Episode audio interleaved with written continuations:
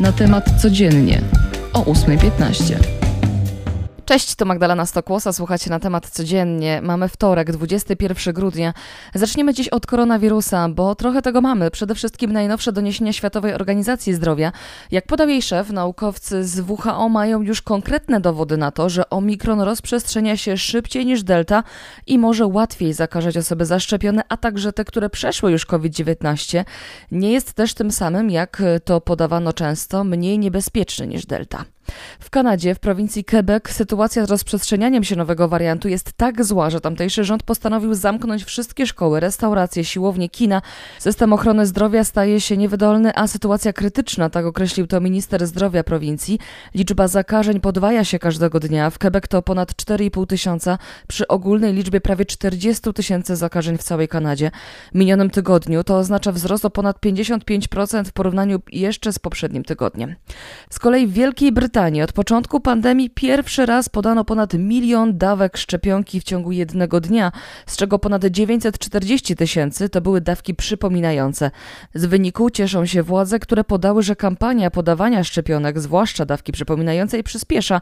Na ten moment zaszczepionych dawką przypominającą jest już prawie 29 milionów osób, co stanowi około 55% społeczeństwa.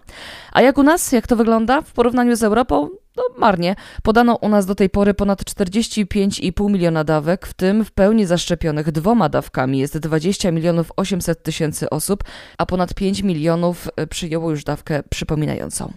Zmieniamy temat. Niedługo trwała radość Pawła Juszczyszyna z powrotu do pracy w sądzie rejonowym.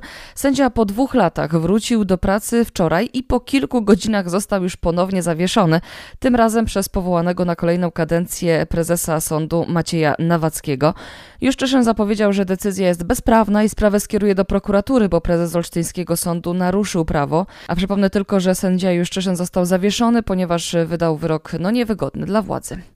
Święta zbliżają się nieubłaganie. Eksperci z branży rybnej informują, że w tym roku ceny karpia są bardzo wysokie i niestety, jeśli chcemy mieć dobrą rybę na święta, to musimy już kupować, bo do Wigilii może być z tym problem, mimo że podaż jest mniejsza niż w ostatnich latach.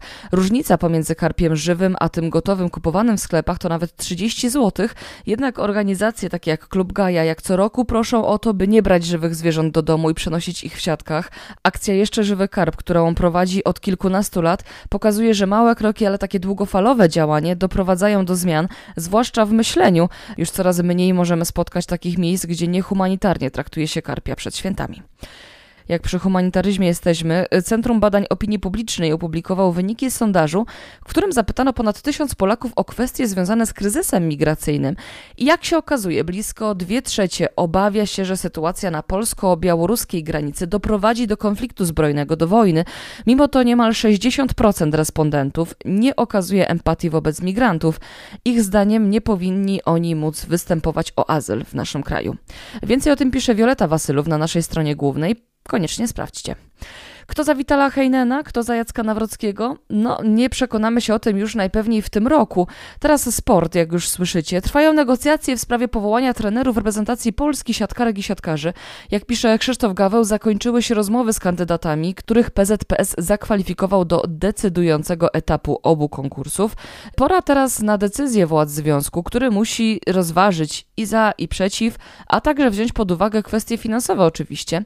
O kulisach tych negocjacji możecie też przeczytać na natemat.pl.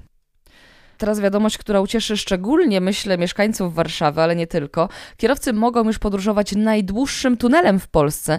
Ten w ramach południowej obwodnicy Warszawy został wczoraj otwarty oficjalnie. Liczy 2335 metrów i biegnie pod Ursynowem, a sytuację na każdym jego kilometrze śledzić będą kamery, konkretnie aż 134 kamery.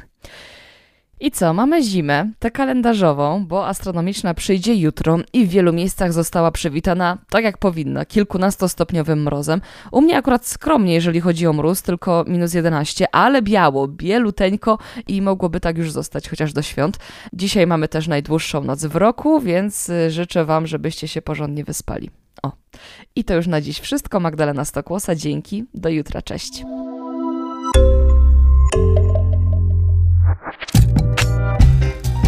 Na temat codziennie o 8.15.